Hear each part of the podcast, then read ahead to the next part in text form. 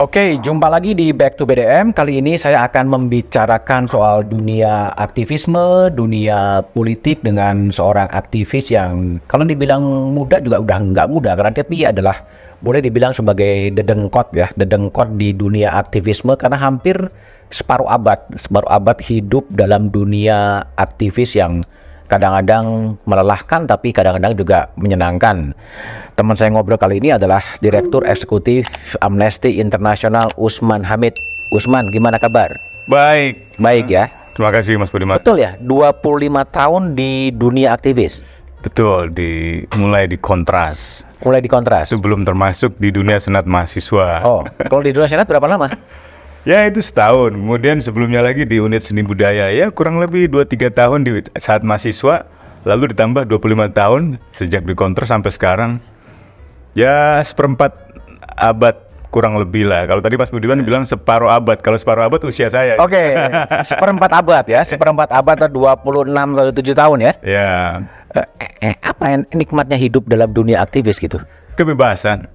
Kebebasan. Berpikir kebebasan mengutarakan pendapat, kebebasan untuk apa namanya mengatur hidup kita sendiri kan. Saya hmm. setiap pagi masih sempat antar anak sekolah, hmm. kecuali kalau di luar negeri atau kecuali hmm. di luar kota gitu kan. Atau siang hari ketika ingin pulang ya pulang aja nggak apa-apa gitu hmm. kan. Apalagi sejak masa pandemi ini kan saya kira banyak fleksibilitas ya. Tapi di masa-masa kritis tentu saja mungkin di kantor bisa hampir dari pagi sampai malam seperti Mas Budiman.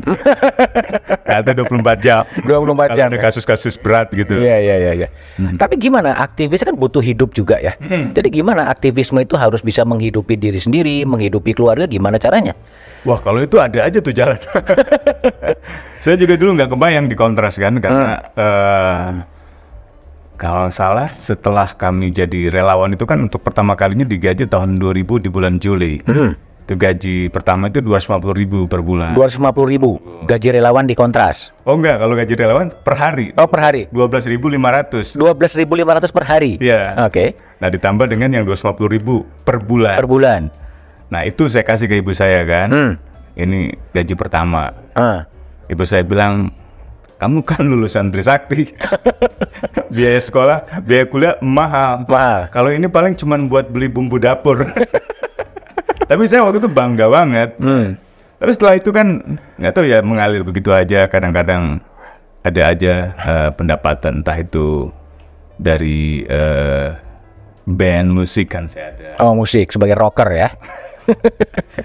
dari mungkin kadang-kadang membuat makalah hmm. atau mengisi sebuah acara pendidikan hmm. atau eh, hal-hal uh, lain lah yang sekiranya datang tanpa kita duga-duga tuh hmm. gitu ya menurut saya sekedar cukup maksud saya sekedar cukup ya kadang-kadang kan orang tergantung pilihan gaya hidup juga kan hmm. saya tahun-tahun pertama menikah itu dengan istri juga ngontrak di, di daerah uh, Pasar Bo, kemudian di Matraman di pinggir kali sebelahnya Gramedia tuh. Hmm. Jadi banyak teman meledek, rumahnya kecil, tapi perustakannya besar. Perustakaannya Gramedia. Perustaka Gramedia ya. Nah, habis itu pindah ke Rawasari, ke Seknek Cempaka Putih, lalu ada abang saya bantu saya untuk subsidi rumah di Cibubur. Baru pertama kali punya rumah itu ya Cibubur itu karena abang saya bantu gitu. Nah, bukan saya mau, waktu itu ibu saya yang resah kan Coba ke abang saya yang paling pertama itu ini adik kamu satu-satunya yang belum punya rumah di keluarga ini. Nah akhirnya abang saya coba bantu. Saya saya nggak mau. Cuma malah istri saya bilang ada ibu saya panggilkan Umi gitu. Umi kita senang, kita bahagia, kita nggak merasa kekurangan. Hmm. Tempat kecil nggak apa-apa, yang penting bisa punya kebebasan, hmm. beda itu. Tempat kemarin minggu lalu saya dan istri ke kompleks sekretariat negara rumahnya Bu Ois. Rumahnya kecil, ada warungnya, rumah kami itu yang kami tinggalin kan warga sana ngeliat istri saya kan kamu semua kangen istri iya saya bilang dia kangen dia kangen kembali ke hidup di sana hmm. jadi lebar rumahnya itu nggak lebih dari 2 meter panjangnya kurang lebih 6 meter lah gitu hmm. 6-7 meter gitu hmm. di setnek di depan masjid itu hmm. kalau sekarang di amnesti berapa penghasilan yang fix normal di sana Ya lebih tinggi dari pimpret kompas lah. Tapi tetap bisa hidup dengan bisa lah, iya. Bisa hidup. Ada aja sih. Bisa hidup. Iya. 25 tahun di dunia aktivis gitu. Sampai kapan akan bertahan? Uh, nggak tahu juga saya mas. Saya juga kepikir gitu ya, kapan ini? Sampai kapan ini? Kan sebagai orang yang dulu ikut di gerakan mahasiswa kan kita membayangkan ada perubahan politik yang signifikan gitu ya. Entah itu masuk dalam politik gitu, apalagi beberapa kawan itu kan merasa ngapain kalau kita jatuhin Soeharto lalu sekedar jadi dosen kembali ke Hmm, kampus. hmm. Harusnya merebut kekuasaan lah, Hmm. menduduki kekuasaan, bertanggung jawab atas apa yang kita lakukan gitu kan. Saya juga kepikir ibu saya, ayah saya kan juga pernah bercimpung di politik gitu. Iya kenapa nggak berpolitik ya gitu. Hmm. Tapi kok sampai hari ini saya belum, mungkin belum berani lah untuk untuk tidak mengatakan tidak tertarik gitu ya.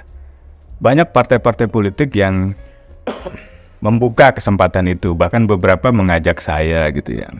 Saya ingat dulu eh, Ketua Umum Partai Demokrat Anas Urbaningrum menawarkan saya.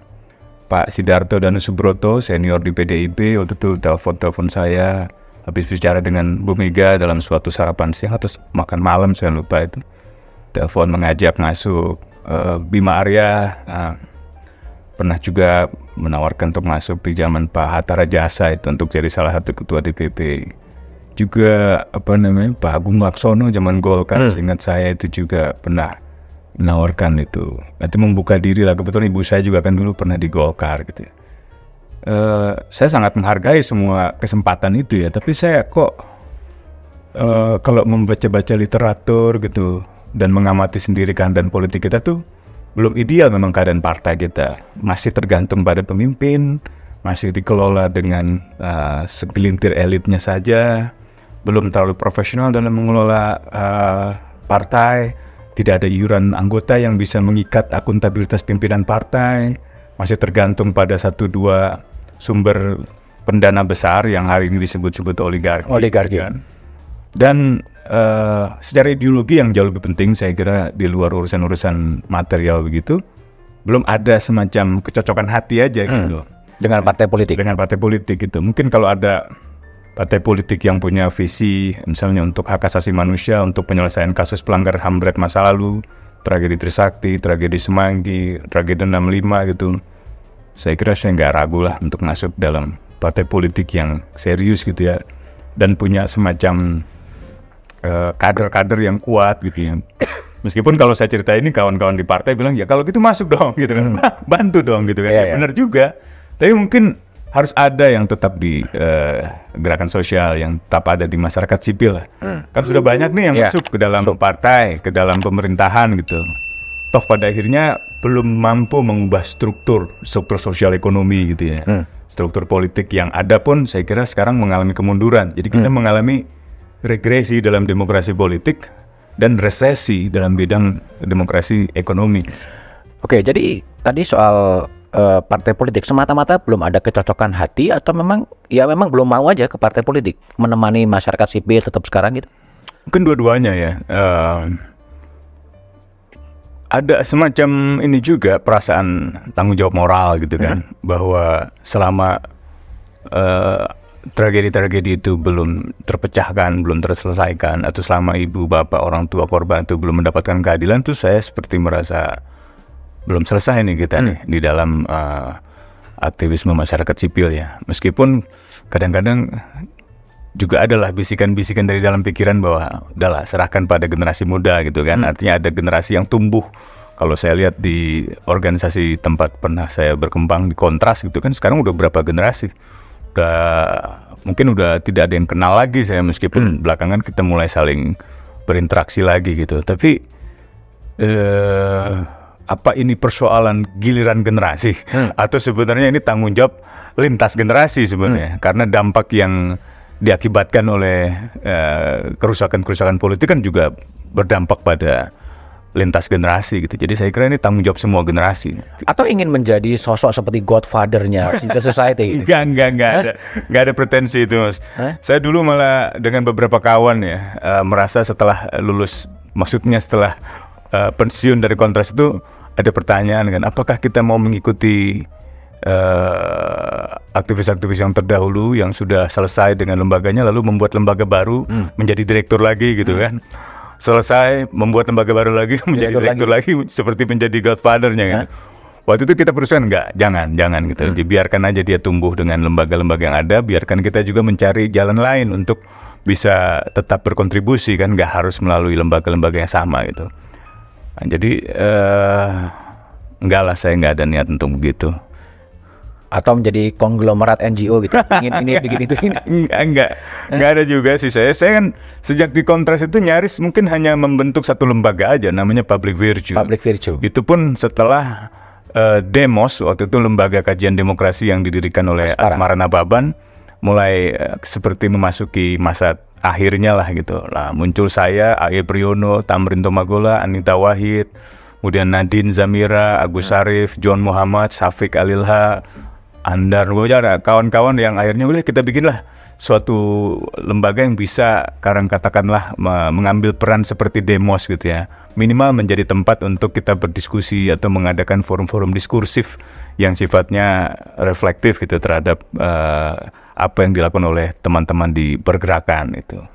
Sambil menyediakan referensi yang mungkin bisa membantu. Belum lama ini kami menerbitkan eh, buku terjemahan tentang kajian demokrasi di Indonesia dari stagnasi ke regresi gitu bekerjasama dengan Yayasan Kurawal dengan Gramedia dengan eh, Yusuf Ishak Institute di Singapura untuk menyediakan referensi itu bagi eh, kaum aktivis pergerakan termasuk generasi muda yang sekarang ini tumbuh gitu. Tapi kalau bicara soal dunia aktivisme, banyak orang mengamat sekarang lagi mengarah kepada the shrinking of civil society. Ya, Gimana Anda merespon eh, apa asumsi itu atau pandangan itu? Ya, memang memang itu terjadi dan eh, salah satunya adalah karena regresi itu juga eh, maksudnya karena penyempitan ruang kebebasan sipil itu juga terjadi karena kemunduran demokrasi di tingkat elit ya. Hmm. Artinya ada undang-undang represif yang dipakai lagi, ada eh, upaya-upaya untuk mengembalikan eh, sistem politik seperti dulu gitu kan, memundurkan agenda eh, reformasi, eh, melakukan resentralisasi pemerintahan, melemahkan lembaga KPK untuk memundurkan agenda korupsi dan juga lembaga penegak hukum lainnya seperti kepolisian. Kepolisian juga menjadi lebih cenderung eh, represif, cenderung partisan bahkan cenderung melayani pemerintah yang berkuasa, melakukan kriminalisasi, eh, tidak mau mengusut peretasan peretasan akun-akun aktivis itu kan banyak sekali dan nah, tahun lalu Amnesty merilis eh, bulan Oktober ada 358 kalau tidak salah kasus serangan terhadap kebebasan sipil. Nah kita meresponnya dengan pertama menyebarluaskan itu kesadaran bahwa ruang sivil kita, ruang publik kita, ruang kritik kita itu sedang menyempit. Penyebabnya apa? Penyebabnya undang-undang yang represif, undang penggunaan taktik yang represif, eh, pelemahan penegakan hukum, politisasi lembaga-lembaga penegak hukum, resentralisasi pemerintahan, menurunnya kualitas partai politik, menurunnya independensi media gitu. Jadi seluruh faktor-faktor penyebab dari kemunduran demokrasi dan lebih khusus lagi kemunduran kebebasan sipil itu kita coba jelaskan itu untuk kita jadikan semacam bahan refleksi bersama supaya ada di dalam kesimpulan yang sama gitu dan saya kira sekarang hampir semua eh, aktivis organisasi masyarakat sipil memiliki kesadaran bahwa ruang publik kita, ruang kritik kita sedang menyempit gitu. ya. Sedang menyempit. Dan Iya. itu lebih banyak karena pengaruh state ya. Lebih banyak serangan dari atas, dari state gitu. Dari bawah ada misalnya polarisasi atau kelompok-kelompok intoleran yang beberapa tahun dulu kerap kali menyerang eh, aktivis gitu ya atau menyerang minoritas atau menyerang warga yang kritis gitu. Tapi belakangan kan semakin jelas bahwa serangannya lebih banyak dari negara.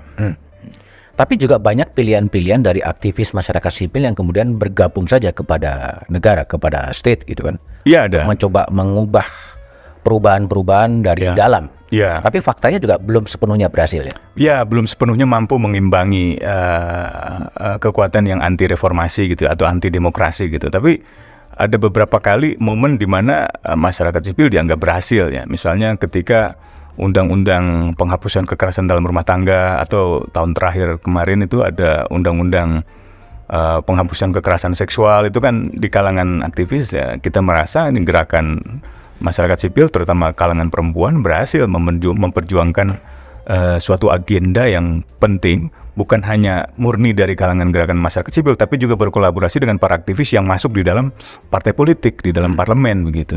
Hmm.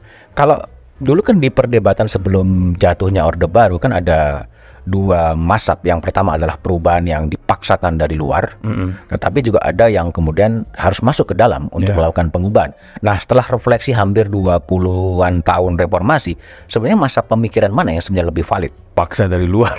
Dipaksa dari luar. Iya. Artinya memang masyarakat harus harus tetap mengandalkan ke kemampuan mobilisasi, ya, kemampuan pro- eh, kemampuan protes, penggalangan massa gitu. Kalau kita lihat beberapa tahun terakhir misalnya pengesahan undang-undang hukum pidana, pengesahan undang-undang KPK itu kan berhenti karena kekuatan sipil memobilisasi diri gitu ya. Selain memang eh, apa namanya pengetahuan, eh, hasil-hasil penelitian itu menjadi amunisi kan, tapi daya paksa itu yang akhirnya mengubah eh, menghentikan agenda negara. Meskipun nggak ber- nggak bertahan cukup lama lah dalam tahun-tahun terakhir akhirnya di- disahkan juga undang-undang revisi KPK itu kan revisi undang-undang KPK kemudian revisi undang-undang hukum pidana. Tapi 2019 kan itu gagal. Gerakan sipil berhasil itu menahan itu.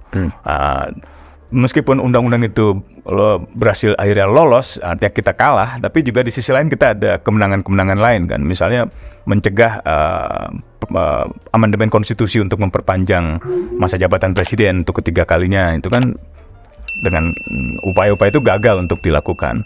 Atau amandemen konstitusi untuk mengembalikan pemilihan langsung menjadi pemilihan yang tidak langsung di MPR itu juga kan gagal. Itu kan karena tekanan karena perlawanan gerakan masyarakat sipil, masyarakat sipil. Karena kekuatan paksa dari luar gitu. Atau misalnya eh eh, ya beberapa yang gejala yang terakhir ini untuk me- menunda pemilu gitu ya. Itu juga menurut saya pada akhirnya elit menerima tekanan itu. Oke, kita akan menggelar pemilu tanpa ditunda. Kita akan menggelar pemilu tepat waktu gitu. Jadi menurut saya adalah eh, hal-hal yang mestinya disyukuri lah gitu. Itu semata-mata karena memang kekuatan mobilisasi masyarakat sipil atau juga kemudian partai politik yang harus berkompromi dengan tekanan yang cukup kuat dari dari, dari Kombinasi antara keduanya juga ada friksi kan di dalam elit kan di dalam negara gitu kan. Dan nggak selamanya dia monolitik. Kadang-kadang ada ada pertarungan-pertarungan di antara mereka sendiri untuk merebutkan memperebutkan sumber-sumber politik atau sumber-sumber ekonomi atau konstelasi yang berubah gitu ya. Komposisi siapa yang berkoalisi dengan pemerintah yang berkuasa dan siapa yang kemudian beroposisi itu kan berubah-berubah juga sepanjang apa namanya? sepanjang waktu berjalan gitu dan kalau kita lihat eh, coraknya kan antara corak pemerintahan yang memang diisi oleh partai-partai politik yang kartelistik gitu ya kartelistik dalam arti sebenarnya nggak mereka tuh nggak bersaing Hmm. nggak ada juga perbedaan ideologi di antara mereka gitu tetapi mereka membangun eh, semacam eh, aliansi yang kolusif gitu ya untuk sama-sama mengeruk kekayaan negara gitu atau kekayaan nasional gitu melalui pe- penguasaan pos-pos politik itu gitu. Nah ini yang yang menurut saya sering kali membuat mereka di antara mereka sendiri kan ber- bergesekan gitu. Bahkan di antara para oligark gitu kan itu juga bergesekan sehingga agenda-agenda tertentu yang uh, semula menguntungkan mereka secara bersama karena mereka terpecah, akhirnya di antara mereka juga nggak setuju untuk melanjutkan agenda itu. Misalnya uh, perpanjangan masa uh, masa jabatan yang ketiga kali untuk Presiden Jokowi. Itu kan mereka yang mungkin punya kepentingan pada proyek ibu kota Nusantara atau misalnya punya proyek uh, Belt and Road gitu kan. Itu semuanya ingin mendorong ke arah sana gitu. ya. Tapi ketika ter- di tengah jalan terjadi perpecahan koalisi, uh, akhirnya mereka ikut dengan gerakan sipil kan, dengan gerakan masyarakat sipil dalam arti menolak uh, penundaan uh, atau menolak uh, masa jabatan presiden diperpanjang untuk yang ketiga kalinya gitu. Jadi perpecahan-perpecahan di antara koalisi-koalisi besar itu juga sangat tergantung kepada isunya ya. Pada isunya. Tidak akan sangat tidak akan terus akan permanen ya. Betul. Artinya kan eh, ya berubah-ubah tergantung kepada isu, tergantung kepada kepentingan yang ada. Ya, ambil contoh eh, salah satu kenapa eh, Jokowi misalnya eh, dan kelompok pendukungnya ingin memperpanjang masa jabatan presiden untuk yang ketiga kalinya kan karena mungkin dia tidak melihat eh, kecocokan dengan calon-calon presiden yang dimunculkan oleh partainya sendiri sebagai penggantinya. Mereka nggak yakin bahwa agenda-agenda ekonomi yang mereka sudah eh, bangun akan dilanjutkan misalnya gitu. Itu kan akhirnya terjadi apa ya namanya me- merapuhkan eh, kekuatan politik mereka sendiri gitu kan. Kalau kita lihat sekarang ini juga orang yang orang-orang partai-partai politik yang semula berkoalisi sekarang kan berseberangan, berbeda pilihan berdasarkan eh, dukungan dan afiliasi kepada calon presiden gitu. Nah, meskipun nanti setelah pemilu dugaan saya kartelisasi partai itu kembali terjadi gitu ya. Jadi persaingan-persaingan yang sekarang ini terjadi sebenarnya hanya bersifat sementara saja.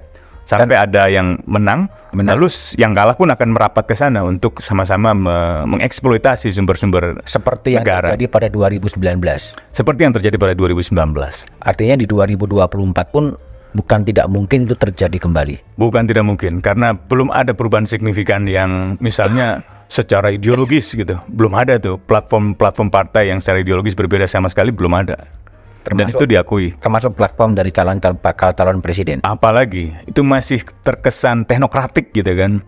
Eh, meskipun mulai ada nih forum-forum seperti eh, kemarin debat di UGM, mulai ada usaha untuk me- apa namanya me- eh, memfasilitasi adu gagasan gitu kan oleh Najwa Shihab. Di Kompas juga kan saya kira Mas Budiman dan Mas Kwidi juga menggelar forum-forum di mana adu kebijakan, adu gagasan, adu platform itu bisa di bisa dibicarakan itu. Nah itu yang mungkin perlu di- didorong ke depan. Artinya kalau memang kita berkaca pada kepentingan atau pengalaman tahun 2019, seharusnya juga tidak harus terlalu baper ya, mendukung orang secara berlebihan, membenci orang secara berlebihan, karena pada saatnya nanti mereka juga akan bersanding juga sebenarnya. Iya, pada akhirnya nanti eh, kita nggak akan bisa membedakan mereka secara ideologi, secara kebijakan. Ya meskipun kita berharap, saya berharap adalah perbedaan ideologi itu. Dalam arti eh, eh, pertarungan gagasan gitu ya, secara sehat gitu tentu saja. gitu. Per- Pertarungan visi, bagaimana mau membangun keadilan sosial, bagaimana mau membangun kehidupan yang eh, bersendikan kemanusiaan yang adil dan beradab. Bagaimana membangun persatuan di Papua yang lebih eh, berperikemanusiaan, men- menredistribusi keadilan sosial. Itu kan perlu diperdebatkan. Secara ideologi mungkin beda-beda antara yang menganut eh, apa namanya ideologi pasar gitu ya dengan ideologi pasar sosial atau ideologi eh, sosialis itu kan juga pasti beda-beda gitu. Sekarang hampir 150 hari menjelang pemilu dan itu Ya. juga belum kelihatan sebenarnya ideologi dari masing-masing bakal calon presiden. Belum.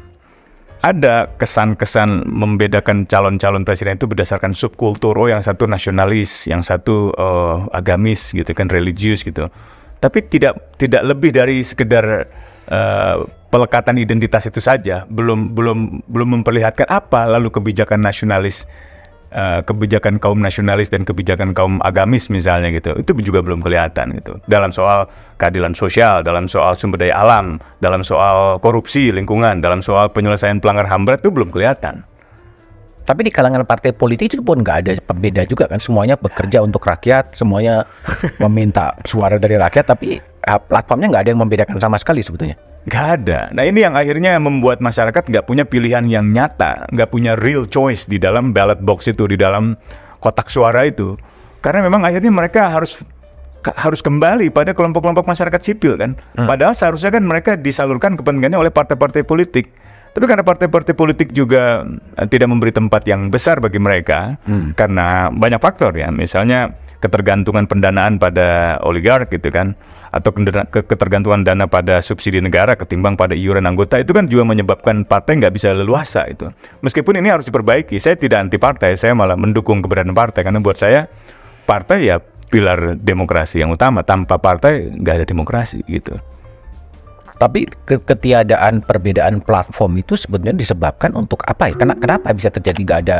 Karena nggak ada visi yang benar-benar dikembangkan di dalam partai, tidak ada kepemimpinan yang berdasarkan visi, tidak ada pengelolaan rekrutmen yang berdasarkan visi, pendidikan kader yang misalnya aktivis-aktivis partai itu kan harus harus aktivis yang bukan hanya misalnya partai PDI gitu ya, bukan hanya dia memahami pandangan-pandangan Soekarno dan bisa mengartikulasikan pandangan-pandangan Soekarno, tapi juga ia bisa katakanlah eh, berkembang secara karir gitu ya. Dari mulai ranting sampai di tingkat pusat gitu. Nah, ketika dalam ketika ada dalam kontestasi elektoral, mestinya ia diberi kesempatan untuk bisa ikut dalam eh, kontestasi itu. Nah, yang sering kali terjadi ada orang yang tiba-tiba nggak pernah berakar di dalam partai itu tiba-tiba menjadi calon eh, gubernur atau calon bupati gitu dari partai tersebut misalnya. Ini saya nggak bicara PDP saja, tapi hampir semua partai begitu gitu. Nah itu yang harus diperbaiki menurut saya. Jadi har- harus harus membangun partai kader ya. Selain memang dukungan massa sangat penting untuk kemampuan mobilisasional, tapi pendidikan kader itu sangat penting untuk mengembangkan eh, generasi kepemimpinan yang baik ke depan. Bagaimanapun juga kan eh, perubahan struktural tetap meng- mengandalkan agen-agen yang secara kolektif mau mengubah keadaan gitu. Jadi partai-partai sekarang boleh dikatakan semacam trader politik gitu, trader pedagang politik menaruh. Ya masih transaksional, masih dan itu juga diakui oleh banyak orang-orang partai gitu kan. Saya beberapa sekjen partai saya kenal dan kita sering bertemu, ngobrol, makan malam, makan siang gitu ya. Mereka juga mengakui gitu dan dan salah satunya memang karena masih leader centric gitu ya, hmm. masih sangat tergantung pada ketum gitu ya, entah itu uh, ya semua partai lah menurut saya gitu ya. Atau yang kedua memang aspirasi dari bawah itu belum terlalu terserap secara sistematik gitu kan. In, demokrasi internal partai itu belum berjalan dengan baik gitu. Ditambah sekarang nih kan partai juga menjadi objek intelijen gitu kan. Hmm. Jadi partai nggak leluasa juga kan pasti di dalam mengambil hmm. keputusan-keputusan hmm. internal gitu. Dan mereka juga pasti merasa nggak nyaman, merasa nggak apa ya namanya nggak bebas di dalam uh, menjalankan uh, kehidupan partai gitu. Dan beberapa kasus korupsi yang terjadi di era SBY sampai di era Jokowi kan sebenarnya juga uh, tidak lepas dari problem pendanaan partai gitu ya. Kasus Anas Urbaningrum misalnya itu kan jelas sekali. Atau kasus uh, uh, Presiden PKS gitu kan. Atau kasus Ketua Umum Partai P3 gitu ya. Hampir semua kasus yang terjadi melibatkan pimpinan partai itu rata-rata bukan uh, lebih karena problem pendanaan partai kan. Makanya beberapa sarjana mengusulkan agar ada perbaikan pendanaan partai politik gitu. Ada, ada subsidi seperti di dibiayai oleh negara. Di, dibiayai oleh negara dinaikkan. Ya, sebenarnya tahun 99 oleh Gus Dur sudah diberikan. Tapi tahun 2005 oleh Pak SBY kan dikurangi lagi. Nah sekarang udah mulai mau didorong dinaikkan lagi. Nah tapi di kalangan aktivis ini kan kontroversial. Kalangan aktivis masih ada yang menganggap ah nggak dikasih subsidi aja korup misalnya, yeah. apalagi dikasih subsidi makin korup. Nggak juga hmm. gitu sih menurut saya. Meskipun kalau kita lihat idealnya ya harusnya iuran anggota ya, tapi sampai hari ini kan tidak ada. Nggak jalan. Uh, makanya beberapa refleksi yang menarik itu kan salah satunya mengatakan bahwa memang partai politik sekarang ini tidak mengakar sama seperti gerakan sosial juga kan dulu Profesor Oleton Cruz ketika melakukan penelitian lewat demos lewat UGM itu kan menyimpulkan salah satunya gerakan masyarakat sipil itu secara sosial mengambang, secara politik terpinggirkan. Hmm. Ya. Partai-partai juga mengalami hal yang sama, secara sosial mengambang, secara politik bahkan terpinggirkan oleh pengambilan keputusan yang sangat elitis itu. Ya, itu yang mungkin ke depan harus di, dijadikan agenda bersama ya. Menurut saya harus ada perubahan bersama antara kelompok-kelompok gerakan sosial dan kelompok-kelompok politik.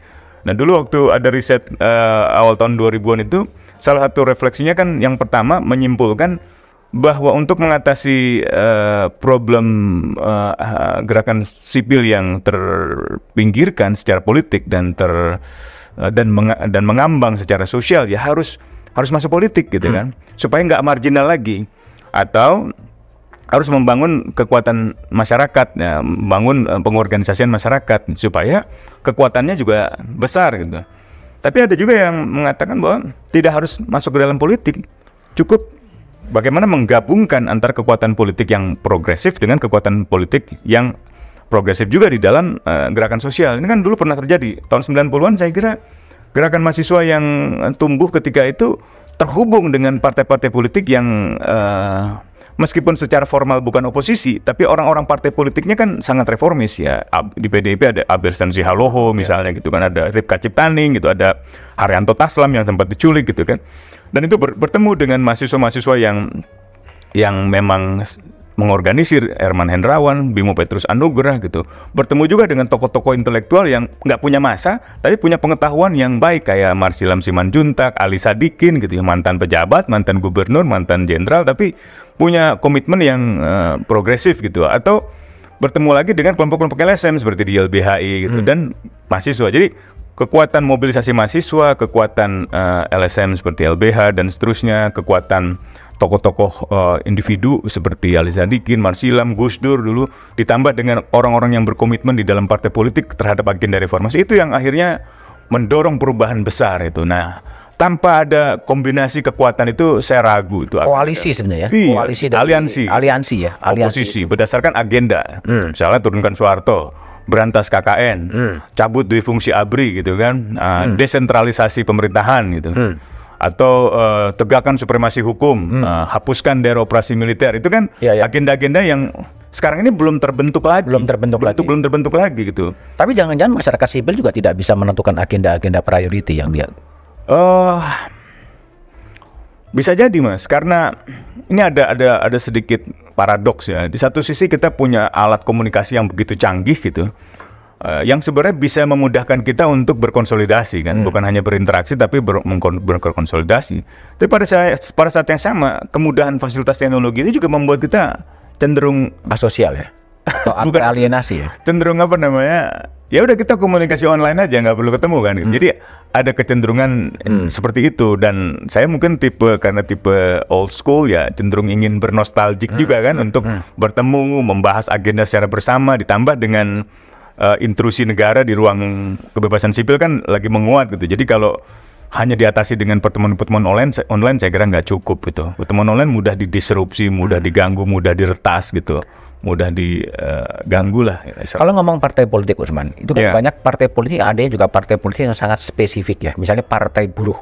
oh ya Ya, itu kan sebenarnya sangat spesifik. Tentunya asumsinya kan mereka memperjuangkan kaum-kaum Iya. bekerja gitu. ya kom Kenapa ini tidak tumbuh dan cukup eh, mendapatkan apa eh, suara dari publik? M- mungkin karena sudah terlanjur diasosiasikan secara negatif gitu ya. Nah, kekuatan buruh sebenarnya sangat kuat di tahun 50-an, 60-an gitu kan, terutama melalui partai komunis gitu ya atau melalui partai sosialis gitu. Tapi setelah era Orde Baru, indoktrinasi anti komunisme itu sedemikian rupa sampai menciptakan eh, pandangan yang negatif terhadap kaum buruh itu. Eh, entah karena mereka dianggap sering menimbulkan eh, kemacetan karena aksi-aksi besarnya gitu ya. Entah karena bias kelas menurut saya itu juga itu juga terjadi gitu. Dan beberapa kali ini disesalkan oleh Profesor Fedi Hadis kan karena dia merasa sayang sekali eh, kelas buruh di Indonesia itu nggak berfungsi secara optimal gitu. Dan padahal untuk merubah struktur ekonomi politik Indonesia ya perlu kelas pekerja kan gitu perlu desakan gerakan dari kelas pekerja gitu nah sekarang sebenarnya struktur politik formalnya sudah mulai memberikan kesempatan ini. Ini ini percobaan yang menarik Ya. juga. Apakah nanti 2024 Partai Buruh punya kursi ini? Kalau punya kursi itu menarik eh, Ya. akan sedikit menambah nuansa yang selama ini hanya ada kutub eh, nasionalis, eh, kutub eh, agama gitu ya. Mungkin kalau buruh ini bisa berkembang gitu ya, katakanlah menumbuhkan bibit-bibit baru lagi tentang demokrasi sosial yang baru, tentang sosialisme atau tentang eh, kesejahteraan buruh, keadilan sosial itu mungkin akan men- menjadi menjadi kekuatan yang eh apa ya istilahnya tuh yang menjanjikan di masa depan gitu ya. Karena orang mungkin sudah cukup frustasi kan dengan partai yang ada ini. Kalau kita lihat tingkat kepercayaan masyarakat terhadap partai kan rendah banget. Rendah banget. Emang- Paling rendah. Ya, DPR juga rendah. DPR rendah. Itu ter- DPR terendah kedua. Yang paling dipercaya malah TNI. Ini kan aneh kan. TNI kan sebenarnya representasi dan penopang rezim militer di masa Orde Baru gitu. Tiba-tiba beberapa tahun terakhir ini mendapatkan tingkat kepercayaan yang paling tinggi. Nah, itu apakah karena kedaw- ketidaktahuan masyarakat? Atau karena benar-benar memang TNI eh, telah berubah gitu? Atau karena skandal-skandal yang melibatkan TNI itu eh, tertutup rapih eh, karena eh, sistem hukum, sistem peradilannya belum bisa menjangkau masalah itu? Seperti kasus korupsi kan kemarin kita ramai tuh soal Basarnas. Nah, itu kan TNI aktif duduk di jabatan sipil mau tapi ketika korupsi tidak mau tunduk pada hukum sipil. Oke. Nah itu kan membuat eh, membuat publik tidak bisa melihat. eh, tapi kembali ke dalam partai politik, tingkat kepercayaan masyarakat terhadap partai itu rendah sekali. Rendah banget. dan dan ini juga sebabnya kadang-kadang saya agak gergetan ya dengan partai. Kita nih dalam soal pernyataan presiden eh, tentang data-data intelijen tentang Nah. kegiatan partai politik itu kita merasa kita membela partai politik juga nih. Tapi mungkin masyarakat juga kayak nggak nggak mau membangun suasana yang kritis terhadap pernyataan presiden itu yang membahayakan kehidupan partai politik, membahayakan demokrasi.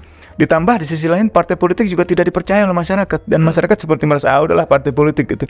Eh, Dan mungkin ini juga dampak langsung atau tidak langsung dari populisme politik yang dimainkan dalam setiap pemilu gitu seolah-olah masyarakat itu hanya bisa mm, merubah hidupnya kalau ada pemimpin yang hebat gitu. Padahal kan kita perlu intermediary ya perlu partai politik yang mengagregasikan atau mengartikulasi kepentingan politik perlu media massa perlu masyarakat sipil gitu. Tanpa itu nggak mungkin lah. Dan eh, sepanjang sejarah saya kira uh, sosiolog Robert Mitchell itu kan mengatakan hampir tidak mungkin masyarakat semuanya berpartisipasi dalam mengambil keputusan dan pada akhirnya tergantung pada kompleksitas sistem kepemimpinan, sistem keterwakilan itu yang juga mudah dikorupsi gitu kan. Tapi kalau masyarakatnya mau aktif mengawasi mereka, mengontrol mereka, sulit bagi para elit itu atau bagi representasi itu untuk mengambil keputusan yang merugikan masyarakat. Tapi kalau masyarakatnya nggak peduli, apatis, akan semakin mudah bagi elit partai atau representasi partai untuk mengambil keputusan-keputusan yang justru tidak menguntungkan masyarakat. Kalau tadi Usman dan kemarin juga di satu meja memperbincangkan soal eh, pernyataan Presiden Jokowi ya soal dat- data-data intelijen dari partai politik, arah partai politik yang sudah dipegang oleh Presiden dan muncul pro kontra dan Usman termasuk yang eh, keberatan. Sendirian. Sendirian keberatan terhadap itu. Apa sih argumen keberatan Anda terhadap pernyataan Presiden itu? Ya, partai politik kan aktor yang utama di dalam kehidupan sebuah negara demokrasi. Karena itu nggak boleh menjadi objek vital, menjadi objek dari eh, pengawasan intelijen. Pengawasan intelijen terhadap kehidupan partai politik itu hanya ada di negara-negara otoriter atau di negara-negara fasis. Dengan dalam negara demokrasi, eh, intelijen itu hanya digunakan untuk memastikan bahwa negara kita, kehidupan kita, keselamatan segenap bangsa kita itu aman dari segala potensi ancaman keamanan nasional, baik dari luar negeri maupun dari dalam negeri. Dari luar negeri entah itu musuh negara, dari dalam negeri bisa dalam bentuk tindak pidana terorisme, bisa dalam bentuk eh, lainnya gitu, yang dituangkan di dalam undang-undang intelijen negara. Jadi saya kira eh, eh, tidak bolehlah seorang presiden apalagi di dalam forum yang partisan seperti itu. Itu kan bukan forum rapat kabinet tentang Polhukam misalnya. Bukan juga rapat pimpinan Polri atau rapat pimpinan Badan Intelijen atau rapat koordinasi Badan Intelijen TNI, Polri dan misalnya BIN. Itu kan bukan. Itu forum yang sangat partisan, forum yang sangat berkaitan dengan persaingan politik tahun 2024 di mana presiden juga ikut mendukung salah satu calon yang sedang bersaing gitu. Jadi besar kemungkinan itu disalahgunakan oleh presiden itu. Itu yang kita khawatirkan sebenarnya. Tapi kesalahannya di mana? Ketika bukankah kemarin ke apa eh, mantan Kabais juga mengatakan ya harga cabai pun diketahui semuanya jadi aktivitasnya Ya masyarakat kalau kayak- kalau kalau harga cabai itu kan untuk kepentingan umum, Hmm. kepentingan masyarakat, ekonomi masyarakat. Kalau partai politik, apalagi dibicarakan di forum partisannya lain lah urusannya, Mas. Hmm. Saya kira itu beda gitu. Kalau misalnya eh, Badan Intelijen Strategis ya, itu kan sektor pertahanan negara. Sebenarnya kan lebih pengawasan lebih keluar. Misalnya mengawasi katakanlah eh, wilayah-wilayah perbatasan Papua dengan Papua Nugini atau Indonesia dengan Darwin dengan Australia atau Pontianak Kalimantan Indonesia dengan Malaysia misalnya atau di sekitar wilayah Batam dengan Singapura gitu. Itu jelas itu untuk me- meli- me- memata-matai katakanlah melihat eh, potensi ancaman dari negara-negara lain gitu. Tapi kalau Badan Intelijen Strategis Pertahanan TNI mengurusi cabai, aduh, saya kira bukan itulah tugas portofolionya gitu. Atau dalam kasus Badan Intelijen Keamanan Kepolisian, BIK ya.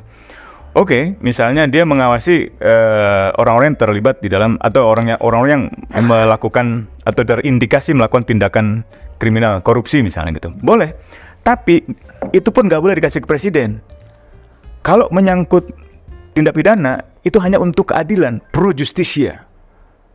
Artinya hanya untuk kepentingan proses hukum. Presiden hanya tahu garis besarnya saja. Pak, ini ada indikasi katakanlah korupsi melibatkan pimpinan partai. Tapi siapanya dan seterusnya itu nggak perlu tahu presiden dan nggak boleh dikasih tahu. Itu itu kedisiplinan Badan Intelijen Keamanan yang harusnya ketat pada aspek penegakan hukum. Hanya untuk pro justisia, hanya untuk keadilan, bukan untuk kepentingan kekuasaan gitu.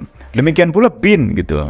Menurut saya sebenarnya tanpa kita bicarakan eh, pernyataan presiden dengan berbagai analisis sudah sangat terbuka Badan Intelijen Negara beberapa kali ikut cewek-cewek dalam urusan politik pemilu gitu kan itu. Jadi nggak ada yang rahasia saja. Pernyataan presiden kemarin itu hanya mengkonfirmasi saja bahwa selama ini ada eh, penggunaan data intelijen atau penggunaan badan intelijen untuk eh, kompetisi pemilu untuk kepentingan politik gitu, bukan untuk kepentingan negara gitu. Tapi kira-kira kalau Usman baca ketika Presiden menyampaikan bahwa dia mengetahui semua dinamika dalam parpol, arah-arah politik parpol gitu. disampaikan dalam forum eh, Seknas, forum relawan gitu. Kira-kira pesan yang mau disampaikan apa sih sebetulnya? Pesannya kan kepada pesaing itu. Kan dia di situ berarti dia ada dalam kubu Seknas, gitu kan. Seknas mendukung Ganjar. Ya meskipun belakangan kan Jokowi dinilai mendua, apakah dukung Ganjar atau dukung Prabowo gitu. Karena dua-dua kubu ini sama-sama memanfaatkan nama Jokowi ya yang eh, kita bisa lihat di dalam berbagai spanduk banner di seluruh pulau di Indonesia ini gitu. Atau eh, pertanyaan lainnya adalah kalau dilihat dari intonasi, dilihat dari gestur, mimik muka, itu bernada ancaman itu menurut saya. Yang diancam siapa? Partai pesaing yang tidak setuju pada capres yang didukungnya, atau yang tidak ikut dengan garis politiknya, yang tidak mau menyelamatkan agenda-agendanya setelah dia tidak lagi berkuasa, yang tidak lagi mau melanjutkan agenda-agenda pembangunan yang dia rasa sudah maju di masanya gitu.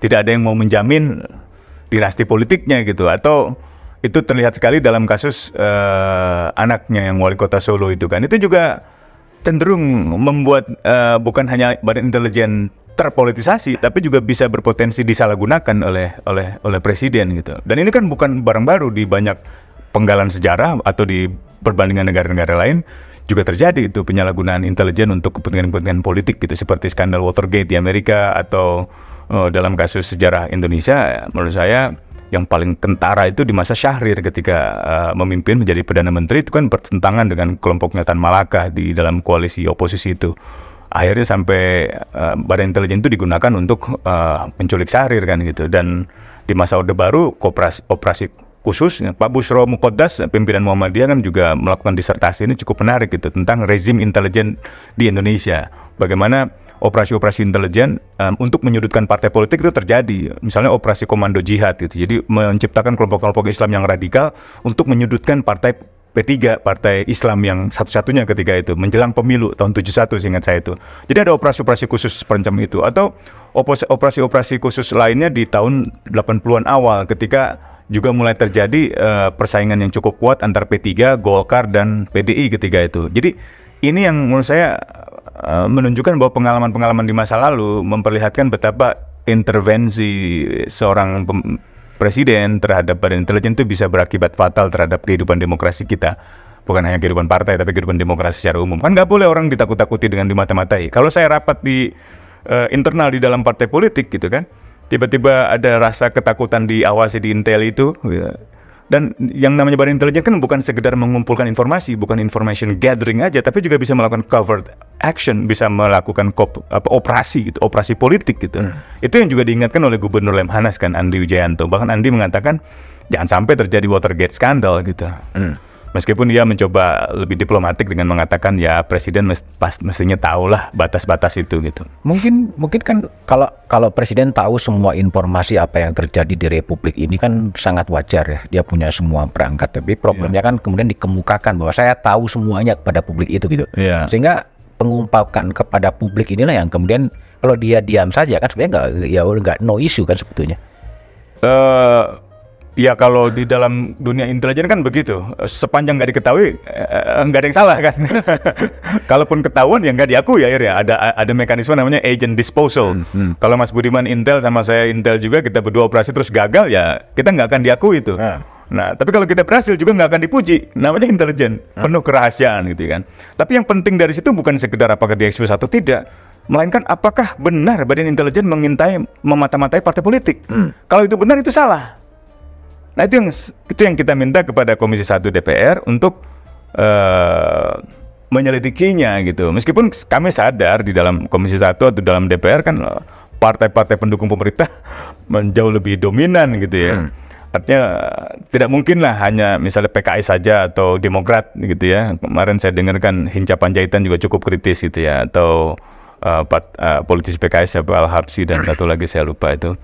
Eh, mereka mempertanyakan kenapa dibuka itu juga penting. Tapi yang juga lebih penting adalah apakah ada kenetralitas dari presiden? Apakah ada netralitas dari Badan Intelijen Negara dalam konteks pemilu gitu?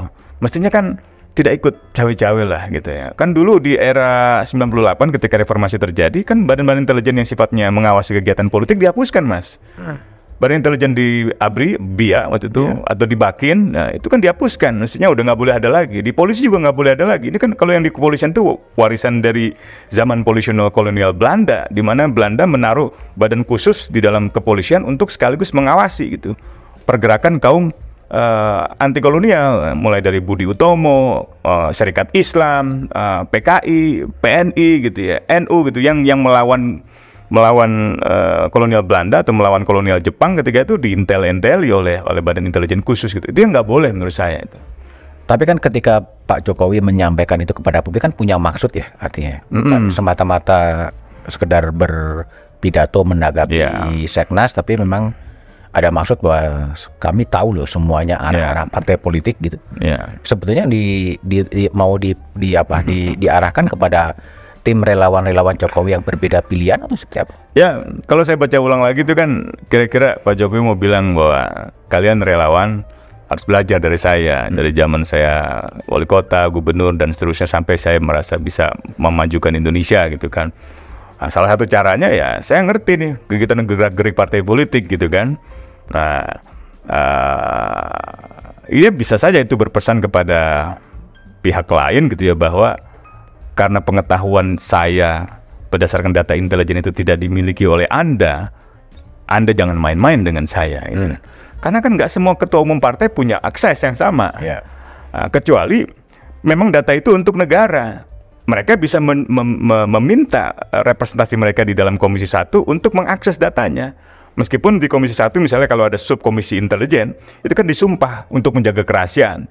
Nah, kan dia, dia tidak mungkin kalau misalnya dia memeriksa data intelijen yang sudah eh, melalui sumpah kerahasiaan itu tiba-tiba menyangkut kehidupan kehidupan partai politiknya. Kan DPR dan presiden itu kan sama-sama end user, sama-sama pengguna akhir. Jadi pengguna akhir itu bukan hanya presiden loh, melainkan juga DPR, khususnya Komisi 1, lebih khusus lagi subkomisi intelijen. Nah, itu yang harusnya terjadi di dalam sebuah masyarakat yang demokratis, di dalam sebuah negara yang demokratis. Kan nggak mungkin partai-partai yang ada di dalam perwakilan subkomisi intelijen itu tiba-tiba membaca, loh ternyata kok badan intelijen malah mengawasi partai saya. Itu nggak mungkin, itu nggak logis. Dari segi itu aja, menurut saya persoalannya bukan sekedar apakah itu diungkapkan di forum partisan politik, tapi juga apa benar badan intelijen digunakan untuk memata-matai kehidupan partai politik. Kalau benar itu yang salah, itu bermasalah. Itu yang perlu diteliti. Nah, saya nggak mau eh, mendahului DPR, tapi sebaiknya DPR mengambil langkah-langkah itu gitu. Kalau kita mau membangun kultur yang lebih demokratis gitu, dan mengawasi badan-badan intelijen, mengawasi badan-badan keamanan. Beberapa eh, kajian demokrasi tentang Indonesia kan menunjukkan bahwa eh, salah satu kemunduran demokrasi Indonesia itu terjadi karena melemahnya kualitas partai politik, melemahnya lembaga penegakan hukum, melemahnya pemberantasan korupsi, dan sekarang mungkin ditambah dengan eh, melemahnya fungsi-fungsi badan intelijen yang non politis gitu, malah jadi lebih politis sekarang lebih rentan disalahgunakan. Ini yang nggak boleh menurut saya. Pokoknya itu pesan kita sebenarnya sih. Kita nggak ada maksud untuk bikin keramaian juga, sekedar untuk mengingatkan bahwa di dalam sebuah ne- negara yang demokratis mestinya eh, badan intelijen itu diselenggarakan dengan menghormati asas kerahasiaan, netralitas, objektivitas, profesionalitas itu eksplisit dinyatakan di dalam pasal 2 itu. Kalau sekarang ya, setelah ramai sekali kemudian eh, presiden membicarakan dia punya data intelijen dan lain sebagainya. Kemudian sekarang udah muncul spekulasi yang diungkapkan bahwa eh, mulai dari wakil ketua umum PKB ya, Ya. eh, Jazilul Fawait mengatakan ya poros TV ya bisa tinggal dua gitu loh, Ya. tidak di tiga lagi gitu loh. Ya. Ini ada kaitannya kah? Bisa jadi, bisa jadi data intelijen itu digunakan untuk menggunakan mengatur bidak caturnya kan. Nah, mungkin presiden ingin jadi kingmaker kan. Kingmaker kan nggak mungkin berdasarkan spekulasi. Kingmaker harus berdasarkan data-data yang akurat. Data yang akurat hanya bisa diperoleh dengan cara-cara perolehan informasi yang benar. Memang secara teoritik intelijen itu eh, bisa mengambil data terbuka ya malah secara teoretik itu misalnya 60 65% data terbuka dari survei dan lain sebagainya lalu tiga eh, eh, apa namanya eh, 25% dari data-data yang sifatnya diperoleh oleh intelijen sendiri dan sisanya 15% itu bisa dari cara-cara yang tidak sah kecuali mendapatkan eh, otoritas pengadilan, otorisasi pengadilan misalnya penyadapan gitu ya. Nah, eh, dalam dalam kasus itu tidak mungkin seorang presiden misalnya kalau mau menjadi kingmaker dalam menentukan siapa pemenang pemilu tanpa menggunakan data intelijen itu.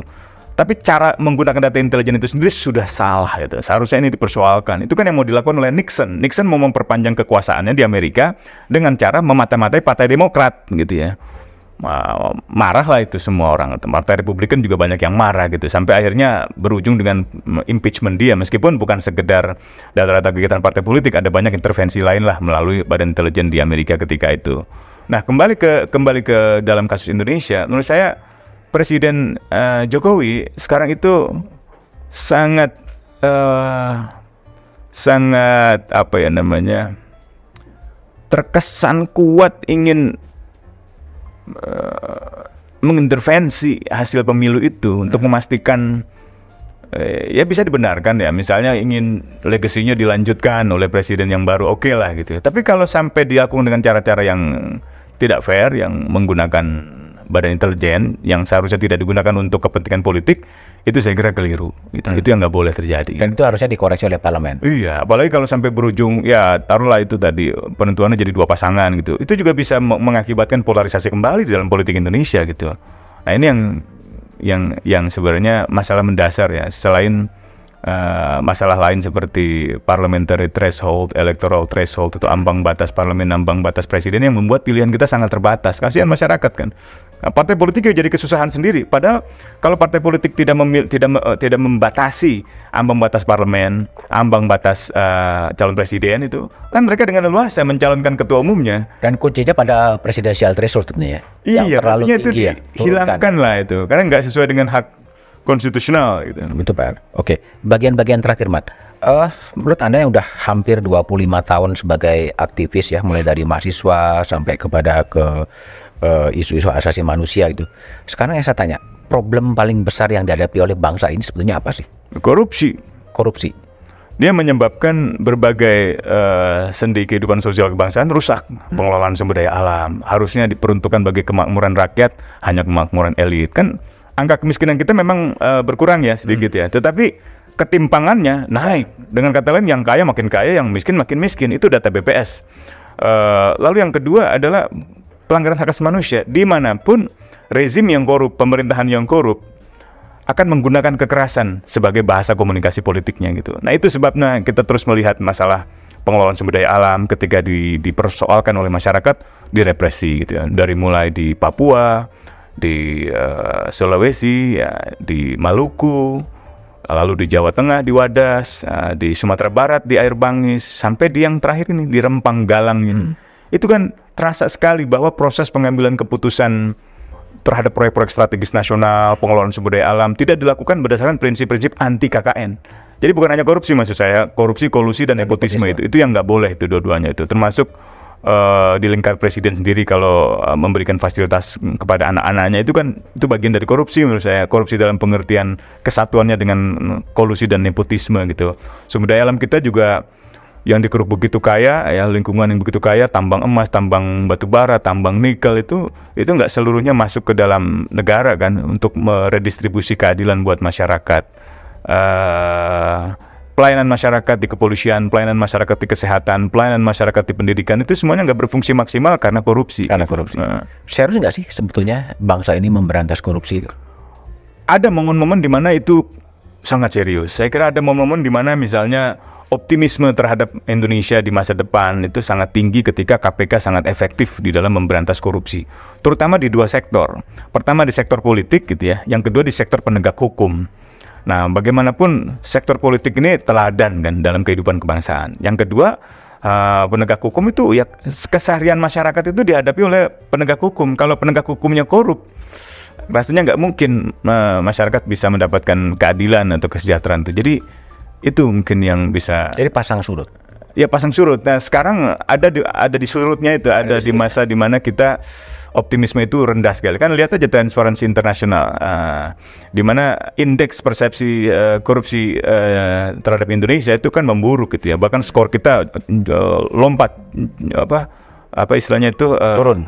Ya anjlok, anjlok. Uh, sampai ke empat uh, scoring kan gitu.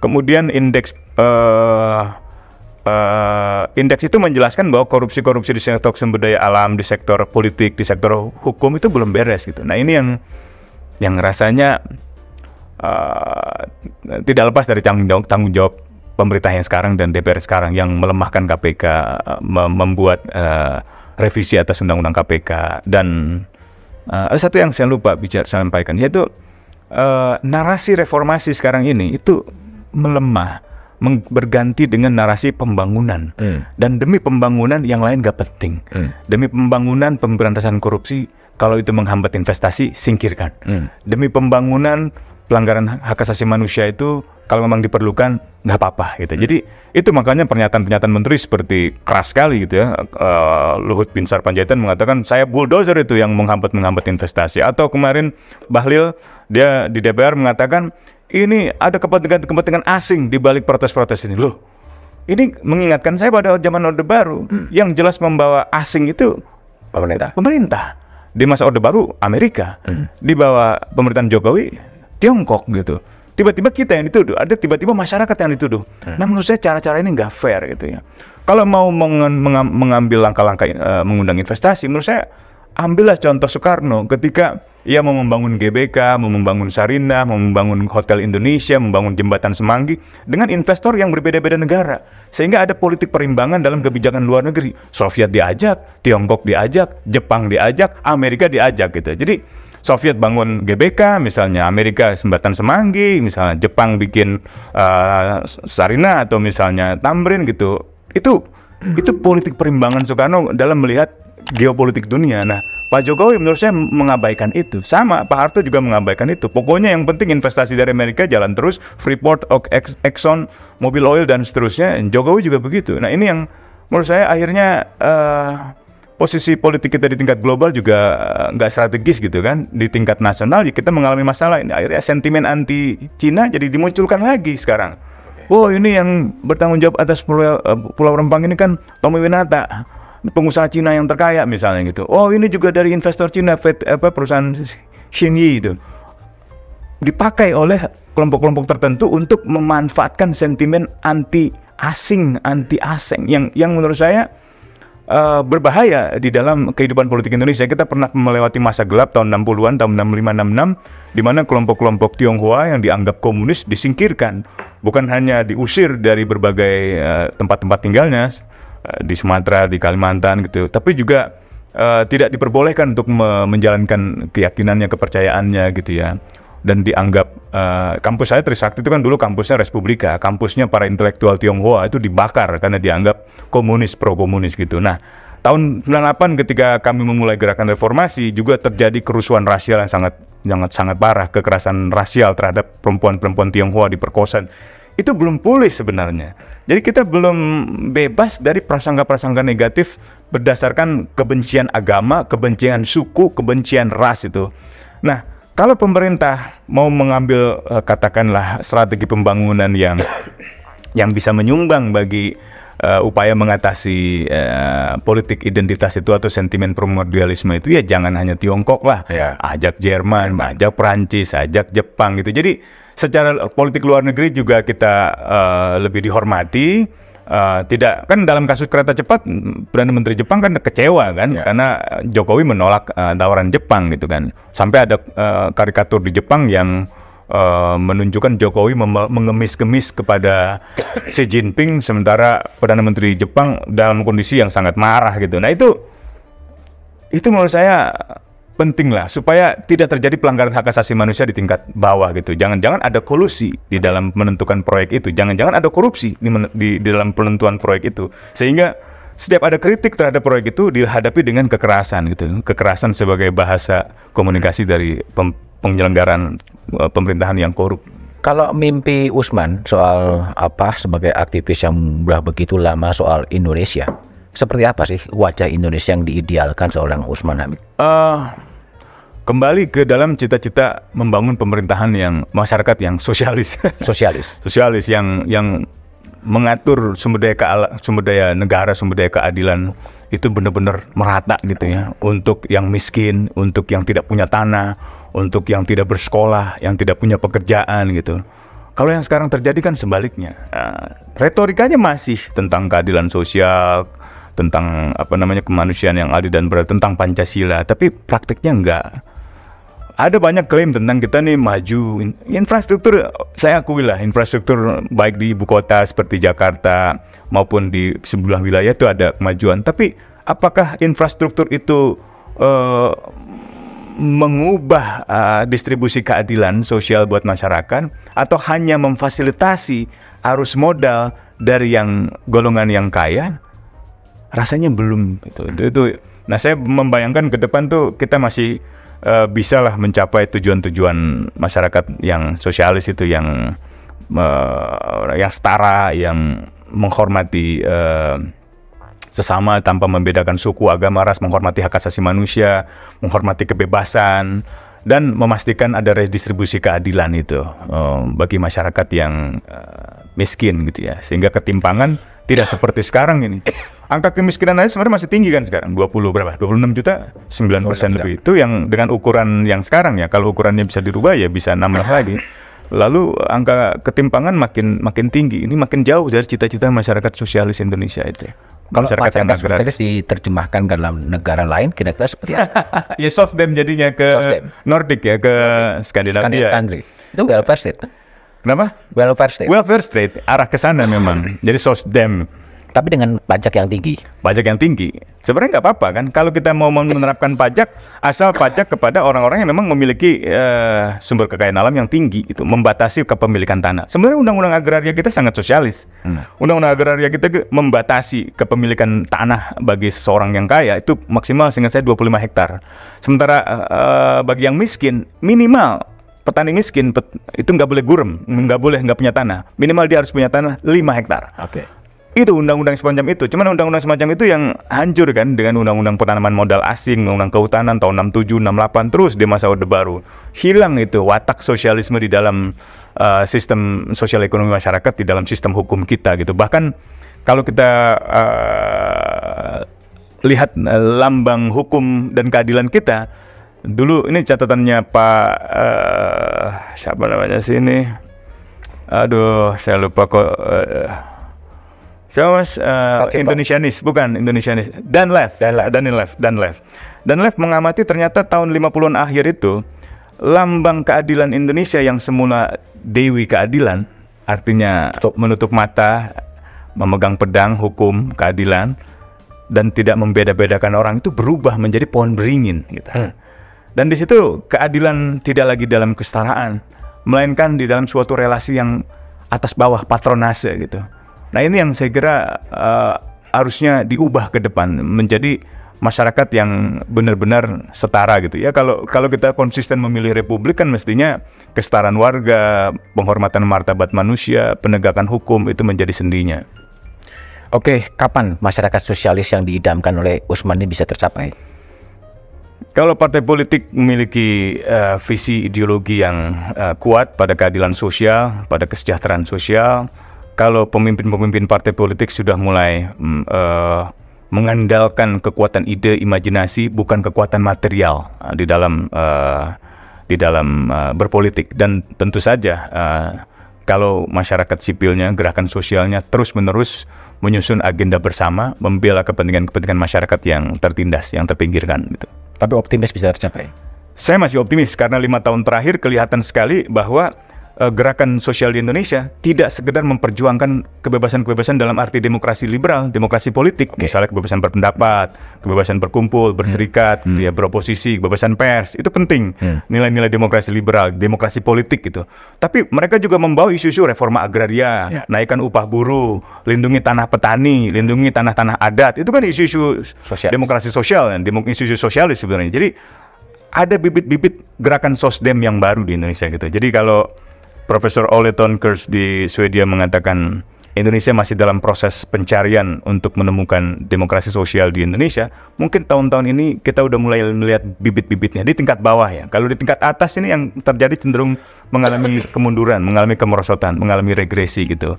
Nah mudah-mudahan kalau eh, ada kesadaran di dalam eh, partai-partai politik untuk menjaga jarak dengan ketergantungan pada material dari kelompok-kelompok oligarki, ada kesadaran di dalam gerakan masyarakat, di dalam masyarakat tidak lagi anti partai, tapi mau mendukung partai, mau memperbaiki partai politik, bukan mustahil cita-cita itu bisa terwujud.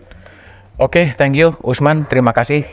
Itulah gagasan dan pikiran dari Usman Hamid soal masyarakat sosialis di Indonesia.